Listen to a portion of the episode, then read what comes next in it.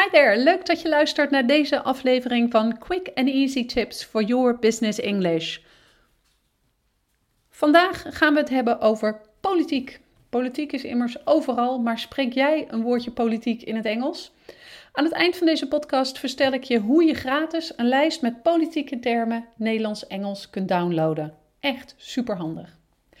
Mijn naam is Anneke Benelle Drijver van Improve Your Business English en de auteur van het boek Master Your Business English: Communicate with Power in 7 Simple Steps. Ik help ondernemers en doelgerichte professionals van hun middelbare school Engels af, zodat zij ook internationaal met impact en vol zelfvertrouwen in het Engels kunnen communiceren.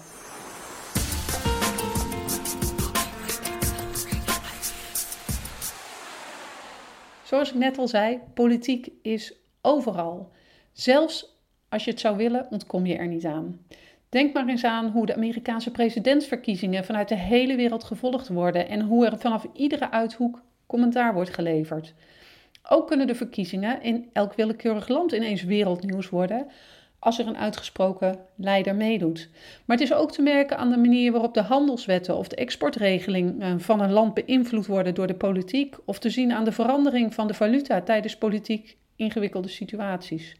Politiek heeft invloed op zoveel grote onderwerpen dat het altijd wel in een gesprek betrokken kan worden en het altijd iets beïnvloedt waar jij iets van zal merken. Maar hoe makkelijk kun je eigenlijk over politiek praten als het in het Engels is? Politiek kan namelijk een ideaal onderwerp zijn om over te praten tijdens smalltalk onder het netwerken. Als echt, als je maar oppast dat het niet doorslaat in extreme discussies, hè, dan valt hier een hoop gesprekstof uit te halen. Het kan bijvoorbeeld heel interessant zijn om politieke ideeën en gewoonten uit te wisselen met een gesprekspartner die niet uit Nederland komt.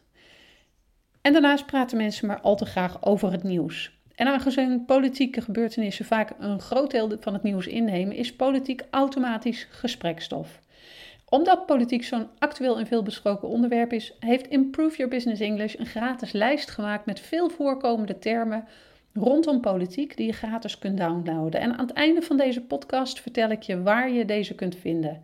Maar eerst licht ik een paar termen uit de lijst in deze podcast een stuk uitgebreider toe. Te beginnen met een aantal termen rondom politieke systemen.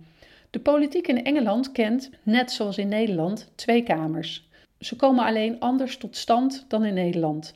De belangrijkste kamer in Engeland is het Lagerhuis, dat de House of Commons wordt genoemd.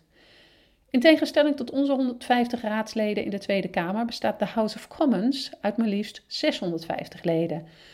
En deze leden worden via een districtenstelsel gekozen. De andere kamer in Engeland is het Hogerhuis. Dit wordt de House of Lords genoemd. Synoniemen hiervoor zijn Senate of the Upper House. Het huis heeft niet zoveel macht. Het kan besluiten van de House of Commons hoogstens enige tijd tegenhouden. Wel komt het regelmatig voor dat dit huis initiatief neemt voor het wijzigen van wetgeving. In Amerika werkt het politieke systeem natuurlijk anders. Er wordt elke vier jaar een POTUS gekozen. En deze afkorting staat voor President of the United States. Die afkorting is redelijk algemeen bekend. Het is ook de Twitter, uh, Twitter-account van uh, de president. Maar ken je ook de afkorting SCOTUS? Deze is minder bekend en staat voor Supreme Court of the United States.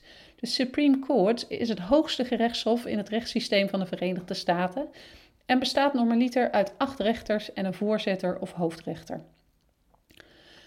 Dan gaan we door met de vertaling van grote onderwerpen binnen de politiek. Wat dacht je van immigrant integration? Dat betekent de inburgering. Dat is tegenwoordig een veelbesproken onderwerp, zowel binnen als buiten de politiek. Hierbij kun je bijvoorbeeld denken aan voorstellen voor nieuwe regelgevingen rondom immigrant integration. Education is een tweede veelbesproken onderwerp. De betekenis ervan, onderwijs, kende je vast al wel, maar nog een bijpassende en grappige link tussen onderwijs en politiek. Wist je ook dat The Independent laatst een artikel publiceerde waarin stond dat maar liefst de helft van de 18 tot 34-jarigen in de Verenigde Staten hun kiesrecht voor de komende twee presidentsverkiezingen op zouden geven, puur om hun uh, studieschulden uit te wissen? Stel je eens voor als dit echt zou kunnen en alle hoogopgeleiden massaal niet meer zouden gaan stemmen, dan zou de politiek in Amerika er wellicht heel anders uitzien. Het volgende grote onderwerp uh, is de duurzame economie, sustainable economy. Ook het woord sustainability, duurzaamheid, komt regelmatig voorbij in die context. En natuurlijk zijn er genoeg veel voorbeelden van andere grote onderwerpen binnen de politiek. Maar ik ga hier op één laatst belangrijk onderwerp in: financiën. De begroting wordt in het Engels een estimate genoemd. Hoe kun je dat onthouden? Estimate is ook het Engelse woord voor schatting. En uiteraard is een begroting niets meer dan een schatting van de inkomsten en uitgaven voor een bepaalde periode. En welke termen je dan zoal op en rondom een estimate vindt? Taxation bijvoorbeeld, het Engelse woord voor belasting. Of een finance, finance gap, een financieel tekort. Een andere financiële term die je vindt in het gratis PDF is koopkracht. Handig te onthouden, want het Engelse woord daarvoor is de letterlijke vertaling. Ofwel purchasing power. Ook in Engeland heb je left-wing en right-wing, linkse en rechtse partijen. En de income inequality, de inkomensongelijkheid, is dan weer een belangrijk punt waarop zij van mening verschillen.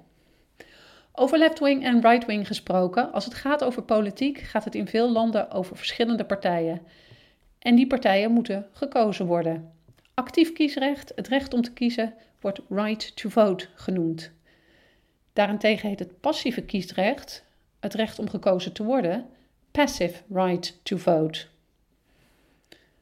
Dit was in een sneltreinvaart de uitleg van een aantal termen rondom politieke systemen, grote onderwerpen in de politiek en kiesrecht. Nu hebben we speciaal voor jou een lijst samengesteld met nog veel meer termen die vaak voorkomen in politieke gesprekken.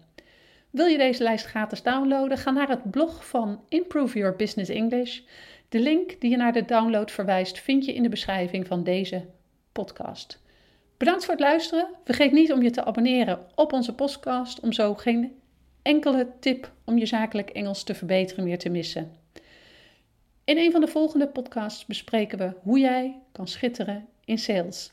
See you next time met quick and easy tips for your business English.